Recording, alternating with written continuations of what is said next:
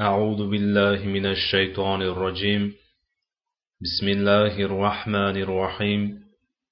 إن الحمد لله نحمده ونستعينه ونستغفره ونعوذ بالله من شرور أنفسنا ومن سيئات أعمالنا. من يهده الله فلا مضل له ومن يضلل فلا هادي له. وأشهد أن لا إله إلا الله وحده لا شريك له وأشهد أن محمدا عبده ورسوله اللهم علمنا ما ينفعنا وانفعنا بما علمتنا وزدنا علما السلام عليكم ورحمة الله وبركاته o'tgan darsimizda solih najmiddin ayyubning misrga voliy bo'lishi shom va misr o'rtasidagi urush xorazm armiyasining najmiddin ayyub lashkaridan ajralishi mamluklar qissasi mamluklar mavqeining ortishi mamluklarning sayyidlariga nisbatlanishi najmiddin ayyubning mamluklar bilan aloqasi yettinchi salib yurishi dumyodning ishg'oli al mansura jangi fariskur jangi turonshohning hokimligi va uning o'limi qissasi kabi mavzularni zikr qilgan edik. Solih najmiddin ayyub shomdagi ayyubiylar va nasroniylar ustidan g'olib bo'lgandan so'ng misr va shomni birlashtirgan edi. Turonshohning mamluklar tomonidan o'ldirilishi misrda juda katta siyosiy bo'shliqni paydo qilgan boshqa tarafdan esa shomdagi ayyubiylar misrga tama qilishda davom etayotgan edi. Shuningdek ayyubiylar sulolalaridan bo'lgan turonshohning o'ldirilishi mamluklarga nisbatan ayyubiylar qalbida cheksiz adovat va qasos o'tini alanga oldirgan edi. Mamluklar ayyubiylar qasos olishga harakat qilishlarini juda yaxshi bilardi. Biroq mamluklar o'zlarining misrda va uning armiyasida mustahkam o'rinlari borligi hamda mansura va fariskur janglarida g'alabaning asosiy sababchilari o'zlari bo'la turib qadrlarning pastlatilishi va vazifalardan chetlatilishi bilan zulm qilinganlarini ravshan idrok qilardilar. Bu narsalar mamluklarni misr tarixida ilk bor bevosita hukumat boshqaruvini qo'lga olishlari mumkinligini fikr qilishlariga olib keldi. Biz g'olib bo'la olamiz. Nima uchun? Hukmronlik bizniki bo'lishi mumkin emas. Bu savol birinchi marotaba mamluklarning zehnlariga otilgan o'q misoli qadaldi. Darhaqiqat mamluklar ikki yuz ellik to'rtinchi ikki yuz to'qson ikkinchi hijriy sanalar.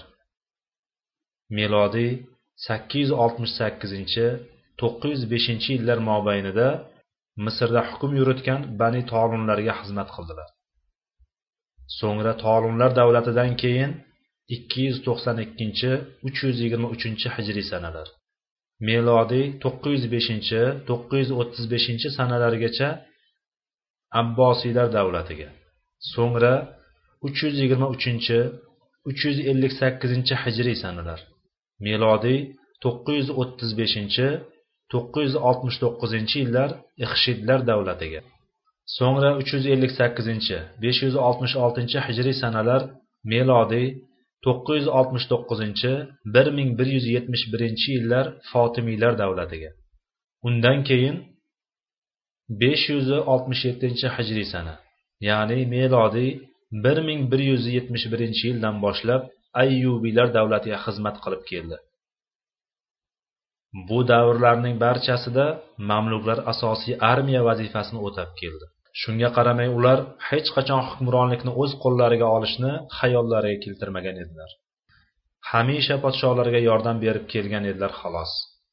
Mamluklar asli sotib olinib so'ngra sotib yuboriladigan taniqli bir oilaga nisbatana olmaydigan va yangi yangi o'lkalarda yashashga to'g'ri kelgani uchun doim g'ariblik hissi bilan hayot kechiruvchilar jamoasi edi. Shuningdek ular erkin fikrdan mahrum hamisha kimgadir tobe u xo'jayindan bu xo'jayinga ko'chib turuvchi mato edilar. Hozir esa ahvol butunlay o'zgacha. Ularning zamoni kelgan quyosh ular tomondan chiqqan edi. Alhol podshohlar zaif kuch quvvat ularning qo'lida. Shunday ekan boshqaruvni ham bir tajriba qilib ko'rishlaridan to'sib turadigan narsaning o'zi yo'q. Ammo ularning bevosita boshqaruv kursisiga o'tirishlari juda taajjubli edi. Sababi odamlar mamluklarning asli kim ekanini sotib olinib sotiladigan qullar ekanini unutmagan edi.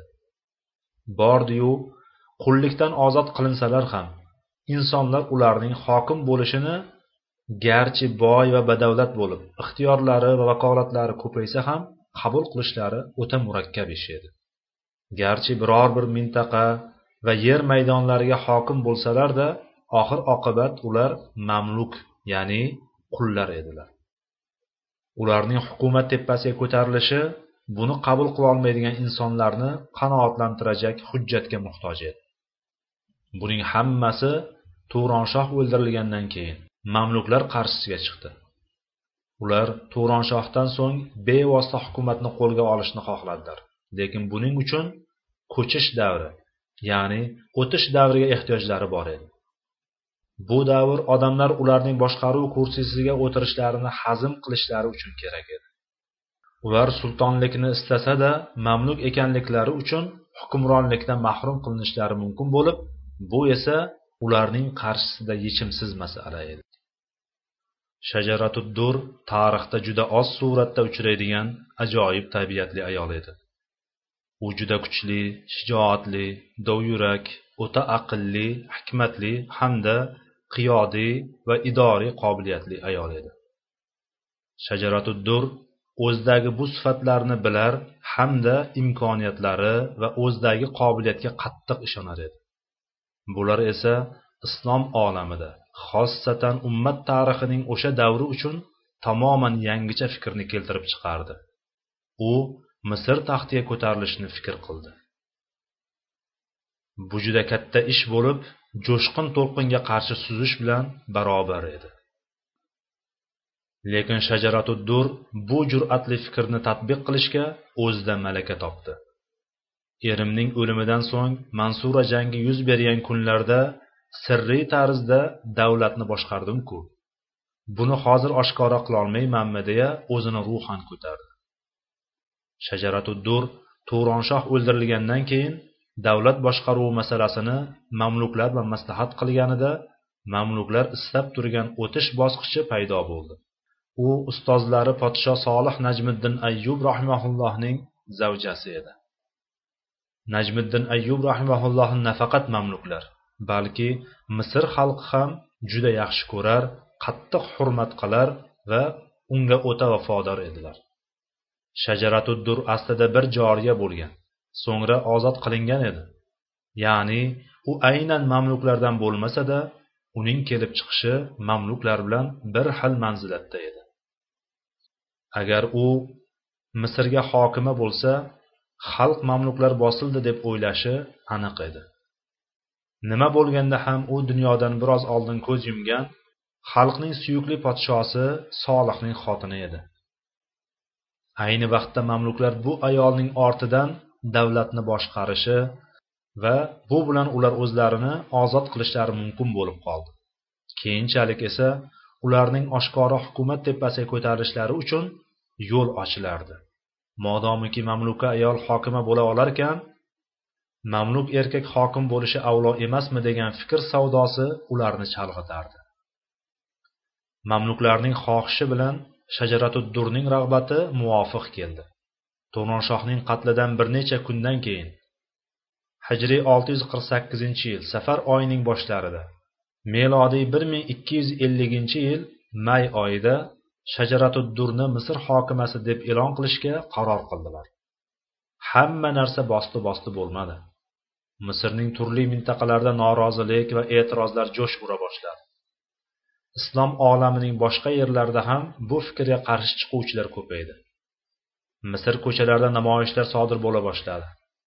Shajaratu dur qo'lidan kelgancha vaziyatni sokinlashtirishga harakat qildi. Xalq qarshisida u o'zini solih najmiddin ayyubga nisbatladi. Men podshoh solihning ishini davom ettiryapman men solihiy musulmonlarning malikasiman deb ko'rdi. Lekin bu gap xalqqa yetarli bo'lmadi va xalqning namoyishini to'xtata olmadi. So'ngra u o'zini solih ayyubdan bo'lgan kichik o'g'li halilga nisbatladi. Men amirul mo'minin sulton halilning volidasiman hamda solihiy musulmonlarning malikasiman dedi. Uning o'g'li halil otasi najmiddin solih hayotligida go'daklik chog'ida olamdan o'tgan edi. Biroq bu ham xalqqa kifoya qilmadi. Undan keyin u o'zini o'sha paytlar xalifa bo'lgan mustasim billahga nisbatlab men mustaasimiy musulmonlarning malikasiman dedi. Shajaratu dur amirul mo'minin halilning volidasi solihiy va mustaasimiy musulmonlarning malikasi ekanligini ta'kidladi.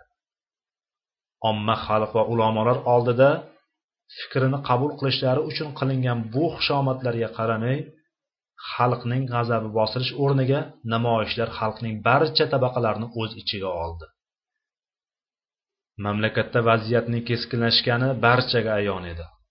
Vahshiyona salib yurishlari to'xtamagan shomdagi ayyubiylar podsho solih zamonida misrga tama qilganida hozirgi holatda gapirishga hojat ham yo'q edi. Boshqa tarafda mo'g'ullar islom o'lkalarining sharqidan boshlab g'arbiga qarab egallab kelayotgan va ayni damda ular abbosiylar eshigini zarb bilan qoqib turgan edi. Hijriy olti yuz qirq sakkizinchi yil. Melodiy bir ming ikki yuz elliginchi yil mo'g'ullar ozarbayjon va fors yerlarida turib bog'dodni to'ntarishga tayyorgarlik qilayotgan xulago iroqqa hujum qilishga hozirlikni boshlagan edi. Misr o'ta qiyin ahvolda xuddi portlay deb turgan vulqonga o'xshardi. Lekin bu vulqonning qachon portlashi qachon otilib chiqishini allohdan boshqa hech kim bilmasdi.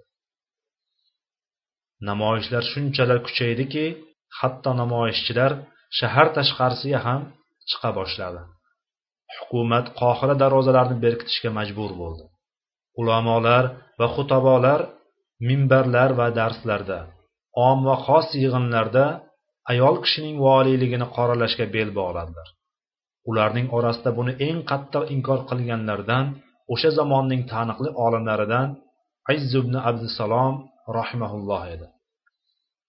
Shuningdek shomdagi ayyubiy amirlar misr taxtiga ayol kishining o'tirganiga qattiq e'tiroz bildirdilar. Xalifa mustasim billahdan nafaqat keskin va qattiq javob keldi. Hatto butun misr xalqini qattiq koyidi ham. U o'zining maktubida agar sizlarda erkak kishi qurib ketgan bo'lsa aytinglar biz sizlarga erkak kishini yo'llaylik. Rasululloh sollallohu alayhi vasallamning o'z ishlariga ayol kishini boshliq qilib olgan qavm aslo najot topmaydi deganlarini eshitmaganmisizlar deya iltifot ko'rsatgan edi. Yangi malikani tanqid qilinishi to'xtamadi. Bir kun ham tinchlik yo'q edi. Malika o'z nafsidan qo'rqa boshladi. Chunki o'sha vaqtlar yurt boshi saylovi faqat qilichlar bilan bo'lar nihoyasi esa o'lim bilan yakunlanar edi. Shunda shajaratuddur davlatni bir erkak kishiga berib o'zi uning soyasida boshqaruvni olib borishga qaror qildi. Saltanat muhabbati esa go'yo uning qonida oqardi. Shu sabab taxtni osonlik bilan taslim qilishga ko'zi qiymadi. U o'zida aqliy idoriy va qiyodiy qobiliyatlarni his qilardi. Bular esa haqiqatdan katta imkoniyatlar edi. U six ham kabob ham kuymasin qabilida ish tutdi. Zohiran hukm maydonidan ketgan u aslida hukmdor. U xatarli siyosiy o'yinni reja qildi. Bu siyosiy o'yin birorta erkakka turmushga chiqib taxtni unga topshirish so'ngra uning orqasida turib hukm yurgizish fikri edi.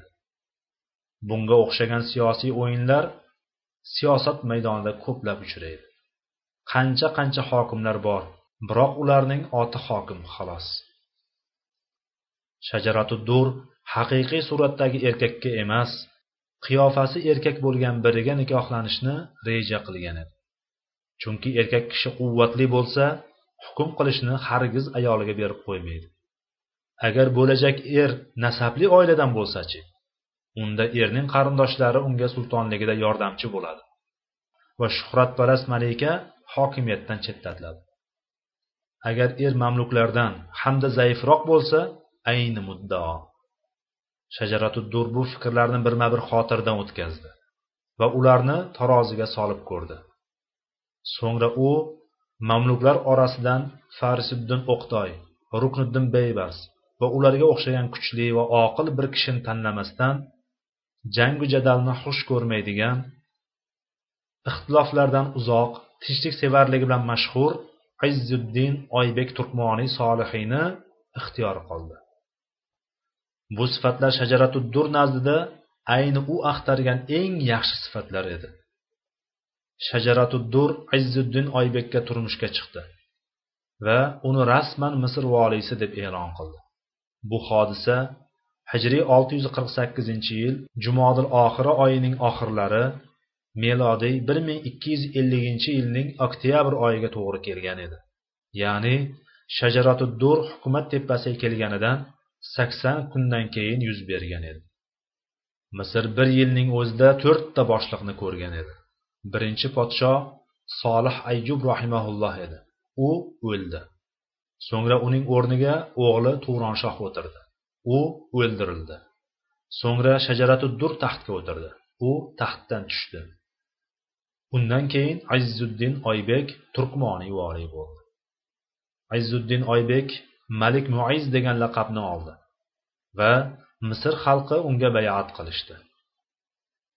Bu hodisalar misr taxtiga mamluklarning ko'tarila olishini qabul qilinishiga debocha edi. Chunki azizzuddin oybek turkmoniy aslida mamluk askar bo'lgan keyin ozod qilingan. Biroq baribir mamluk deb e'tibor qilinar edi. Misr xalqi raylariga to'g'ri kelmasa-da yangi holatni qabul qildi. Zero bu holat ayol kishining voliyligidan afzal edida. Podsho muizning o'rnini bosa oladigan shaxs misr hamda shomdagi ayyubiylar orasida yo'q edi. Shomdagi ayyubiy amirlarning o'zlari zaif holatda edi. Shomdagi ayyubiylar nosir yusuf ayyubiy ashrof ayyubiy said hasan ibn abdul aziz va boshqalar misolida gavdalanardi. Ular zaifgina emas hatto badxulq xoin kishilar edi. Podsho muiz izzuddin oybek turkmoniy hukumat tepasiga kelgandan so'ng misrdagi vaziyat asta sekin muvozanatga kela boshladi. Shajaratu dur o'zi reja qilganidek parda ortidan hukm yurgiza boshladi. U mamluklarni ayniqsa farisiddin o'qtoy va rukniddin beyberslarni qo'llar edi. Biroq uning donoligi podsha muiz izzuddin oybekni turmush o'rtoq sifatida tanlashda pand bergan edi. Zero bu kishi shajaratu dur gumon qilganidek zaif emas bilaks o'ta zakovatli inson edi. Izzuddin oybek o'zining birodarlari mamluklarining va xotini shajaratudurning xatarini yaxshi bilardi. Shu bois tadbirini olishga kirishdi. Uning birinchi qilgan ishi shajaratuddur va bahriy mamluklarni yo'qotish bo'lmadi. Balki shoshilmasdan qadamba qadam tayyorgarlik ko'ra boshladi. Saylangan mamluklarni sotib olib askariy quvvatini va shaxsiy homiyligini kuchaytirishga kirishdi. Bu mamluklar tarix sahifalarida podsho muiz izzuddin oybekka nisbatlanib mamalik al muizziya nomi bilan tanildi.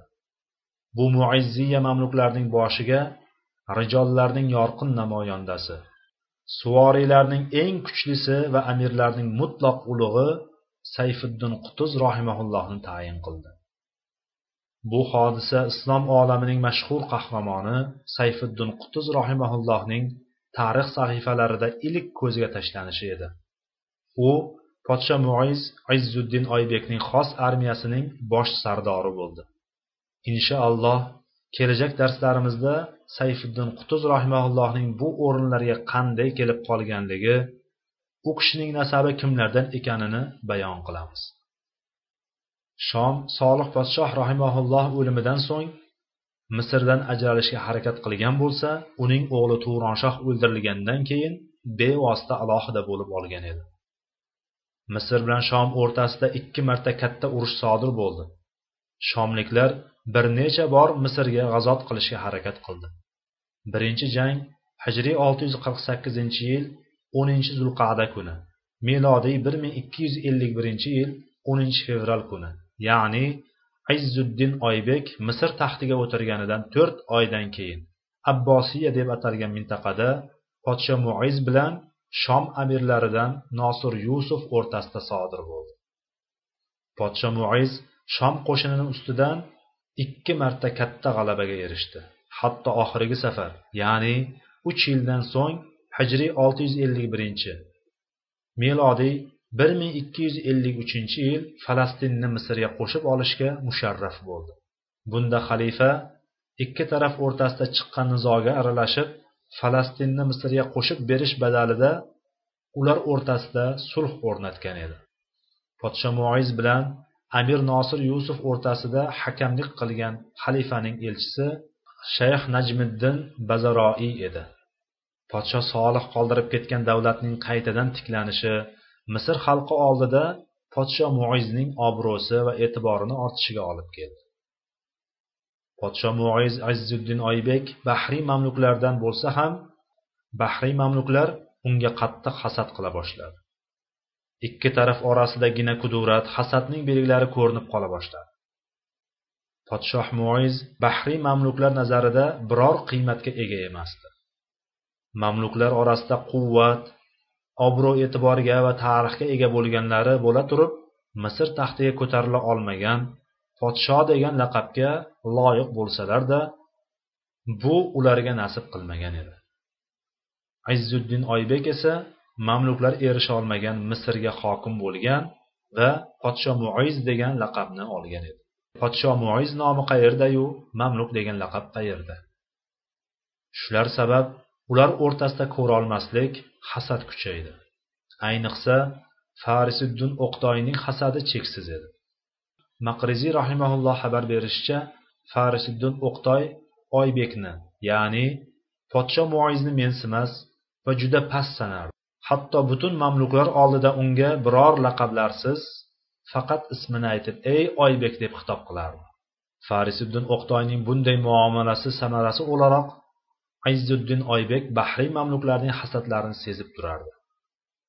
Shu bilan birga xalq ham uni faqatgina malikaning eri deb hisoblar edi. Podsho muiz bahriy mamluklarning boshliqlarini almashtirishni fikr qildi biroq unga shoshilmadi. Oylar oylar ketidan yillar o'tdi. Hijriy olti yuz ellik ikkinchi yil melodiy bir ming ikki yuz ellik to'rtinchi yil misr armiyasining qo'mondoni o'qtoy ayyubiy amirlarining qizlaridan biriga uylanishni qasd qildi. U hamah shahri amiri muzaffar taqiyuddin mahmudning qiziga uylanmoqchi bo'ldi.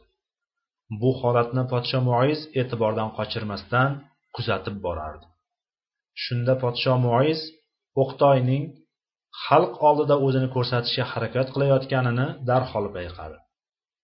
Agar o'qtoy ayyubiylardan uylansa u salkam sakson yil davomida misrni boshqarib kelayotgan ayyubiylar oilasiga kirib borishi va sulton ayyubiyning xotiniga uylangan shaxs misrga hokim bo'lishga haqliyu ayyubiy qizlarga uylangan undan ko'ra haqli emasmi deya inqilob ko'tarishi mumkin degan o'y podsho muizning miyasini qurt kabi kemira boshladi.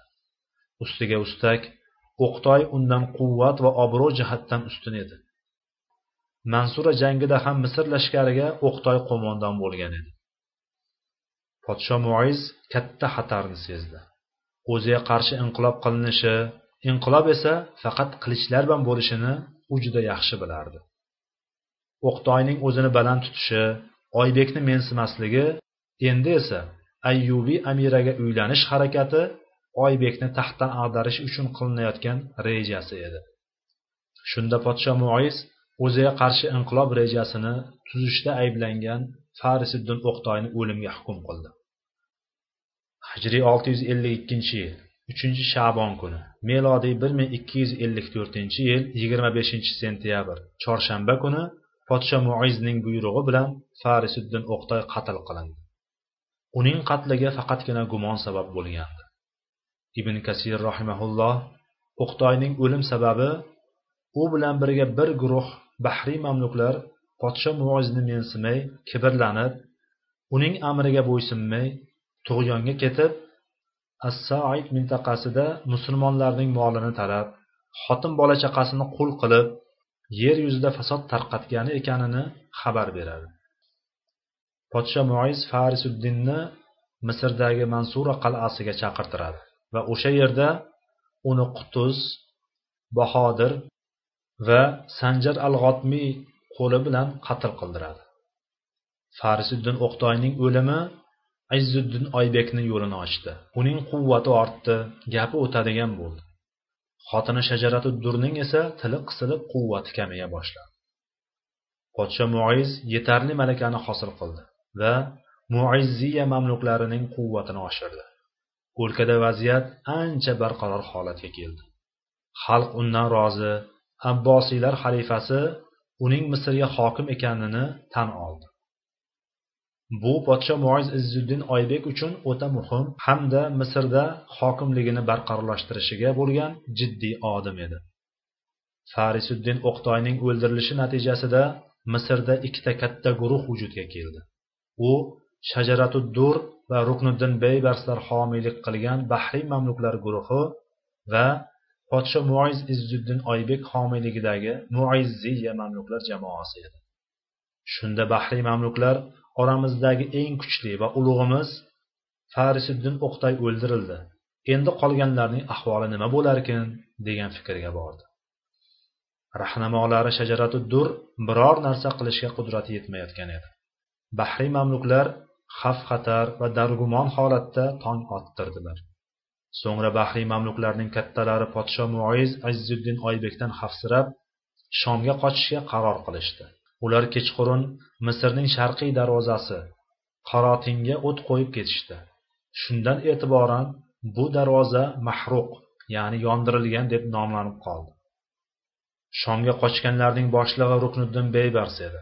Rukniddin beybars damashq voliysi xoin nosir yusufning himoyasiga kirdi. Xullas kalom bahriy mamluklarning eng kattalari yoki hammasi shomga ketishdi. Qolgan bir qismi karakka podsho mo'g'izning oldiga va boshqa joylarga ketishdi. Bahriy mamluklarning falastinda istiqomat qilishlariga xalifa mustasim vositachilik qildi. Shu bilan muizziya mamluklari va bahriy mamluklari orasida yuzaga kelgan alanga o'chirilgan edi. Shu tariqa misr havosi podsho muiz azzuddin oybek uchun tamoman musaffolashdi u yana uch yil ya'ni hijriy olti yuz ellik ikkinchi olti yuz ellik beshinchi yillar melodiy bir ming ikki yuz ellik to'rt bir ming ikki yuz ellik yettinchi yillar mobaynida biror qarshiliklarsiz hukmronlik davrini surdi. O'sha damlarda uning armiyasiga sayfiddin qutuz rahimaulloh qo'mondon edi. Podshoning xotini sobiq malika shajaratuddurning popiga ancha pasaygan butun dardi va alamini ichiga yutib yurgan edi. Hijriy olti yuz ellik beshinchi yil melodiy bir ming ikki yuz ellik yettinchi yil ya'ni podsho muiz azzuddin oybek misrga hokim bo'lganidan 7 yil o'tib u mintaqada yanada mustahkam o'rnashishni istadi. Chunki zamon xoinlik fitna hiylaga to'lib ketgan edi. Shu bois u ittifoq tuzish harakatini boshladi va ittifoqni nikoh bilan yuzaga keltirmoqchi bo'ldi. U o'sha mintaqalardagi birorta podshoning qiziga uylanib so'ngra u podsho bilan aloqalarni rivojlantirishni reja qildi. Podsho muoyiz mosulning amiri badriddin lu'luning qizini tanladi. Bu amir mo'g'illarga sotilganligi va xoinligi haqida o'tgan darslarimizda zikr qilgan edik. Ko'p narsadan mahrumlikdan g'azabini ichiga yutib yurgan sobiq malika podsho muizning xotini shajaratu dur bundan xabar topdi va rashk o'tida yondi. Ayollar orasida keng tarqalgan er bermoq jon bermoq qabilidagi so'zlar o'z natijasini ko'rsata boshladi. Agar bu nikoh amalga oshsa shajaratu dur tarixdan butunlay o'chib ketadi degan o'y uning ichini temir tirnoqlar bilan tirnay boshladi. Ishlarni go'zal suratda idora qilish o'rnini rashk alangasi egalladi. Boshqa ayollardan ajratib turuvchi hikmatni unutgan uni qo'llovchi bahriy mamluklarning kattalari shomga qochib ketgan haqiqiy quvvat eri podsho muiz homiyligidagi muizziya mamluklari tomonida ekanini xayoliga keltirmagan edi. Voqelikni ko'rishdan to'sgan rashk otliq ayollik hissiyotiga berilib oqibatini o'ylamay qaror qildi. Bu qaror nima bo'lsa bo'lsin baribir eri bo'lmish podsho muiz azzuddin oybekni o'ldirish qarori edi. Qabih hukm hijriy olti yuz ellik beshinchi yil robiyul avval oyi melodiy bir ming ikki yuz ellik yettinchi yil aprel oyida amalga oshirildi. Shu bilan podsho muiz azzuddin oybek davri bitdi. U misr taxtida o'ttiz uch kun kam yetti yil o'tirgan edi. O'shanda u oltmish yoshlar atrofida edi. Shunday qilib shajaratu dur ikki misr sultoni turonshoh va azzuddin oybeklarni hayotiga zomin bo'lgan bu jinoyat hammaga kundek ravshan bo'ldi. Podsho muizning o'ng qo'li armiyasining qo'mondoni sayfiddin qutuz rahimaulloh va izzuddin oybekning birinchi xotinidan bo'lgan o'n besh yoshli o'g'li nuriddin ali zudlik bilan shajaratuddurni qo'lga oldilar. Nuriddin alining onasi ya'ni izzuddin oybekning birinchi xotinidan uning ustidan hukm chiqarishi talab qilindi. Nuriddin alining onasi nihoyat darajada qattiq hukm qildi. Bu qasos joriyalar shajaratuddurni yog'ochdan bo'lgan kalishlar bilan urib o'ldirish hukmi edi va u shu tariqa o'ldirildi. Shar'an hukm qilinsa ham qotil qasosan qatl qilinishi kerak biroq bu o'rinda qasos ayollarga oid bo'lib nafaqat qasos balki tahqirlash xo'rlash maqsad qilingan edi. Abbosiylar xalifasi mustasim ham tepkilab o'ldirilgan edi. Bu kabi jazo allohni ham xalqini ham rioya qilmagan boshliqlarning ba'zilariga xos g'ayriodil uslubdir. Podsho muiz izzuddin oybek va shajaratuddurning o'ldirilishidan so'ng nuriddin ali ibn izzuddin oybekka bayat qilindi. U o'sha damlar o'n besh yoshda edi. Yosh bolaning sulton bo'lishi shubhasiz katta ixtiloflarga sabab bo'lar ammo yuzaga kelishi mumkin bo'lgan nizolarning oldini olish bundanda kattaroq ahamiyat kasb etardi. Shu bilan birga misrdagi rijollarning eng zabardasti hisoblangan sayfiddin qutuz rahimaulloh va podsho muizni qo'llovchi muizziya mamluklari bunga bosh qosh bo'lgan edilar. Hijriy olti yuz ellik beshinchi yil yigirma oltinchi robiyul avval kuni melodiy bir ming ikki yuz ellik yettinchi yil yigirmanchi aprelda o'n besh yoshli nuriddin ali misr taxtiga o'tirdi va podsho mansur laqabini oldi. Parda ortidagi haqiqiy hokim sayfiddin qutuz rahimaulloh edi. Sayfiddin qutuz rahimaulloh kim edi o'zi? Hijriy olti yuz ellik beshinchi yil melodiy bir ming ikki yuz ellik yettinchi yildan so'ng islom ummatini qanday hodisalar kutib turibdi? Sayfiddin qutuz rahimaulloh qanday tadbirlar ko'radi? Bu kabi savollarga kelajak darslarimizda javob topamiz inshaalloh bu so'zlarni aytarkanman o'zimga va sizlarga alloh taolodan mag'firat tilab qolaman vallohu taala alam سبحانك اللهم وبحمدك أشهد أن لا إله إلا أنت أستغفرك وأتوب إليك وآخر دعوانا أن الحمد لله رب العالمين والسلام عليكم ورحمة الله وبركاته